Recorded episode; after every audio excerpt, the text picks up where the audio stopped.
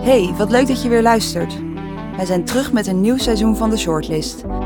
In deze podcast gaan we de zes genomineerde auteurs van de Libris Literatuurprijs interviewen en geven we natuurlijk onze reacties op hun boeken. Oké. Oké, ik ga, Nou, ga er even voor En zitten. ik ben thuisgekomen, ik ben gaan schrijven. Ik ben eigenlijk niet meer gestopt. Want ja, ik begon dus op Koningsdag en ja, een half jaar later lag hij in de winkel. Wauw, dat is wel snel. Ja, dat is, ja. Maar het is ook weer niet zo dat je er zo doorheen bent of Nee. zo. Dat is het niet. Er ik- komt, veel, er komt veel voorbij. Meent hij dat nou? Is dat echt? Wie is deze man? Hoe, kwa- hoe kwam het bij jou binnen? Eh, nou, soms best wel gedetailleerd.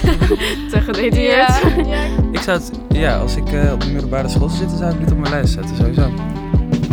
Dit jaar bestaat de shortlist uit Willem die Madoc maakte van Nico Dros, Wormmaan van Marike Heipman, de Mitsukoshi Troostbaby Company van Auke Hulst, de Atlas van Overal van Dennis Kuipers, Onze Kinderen van René van Marissing en Alexandra van Lisa Weda.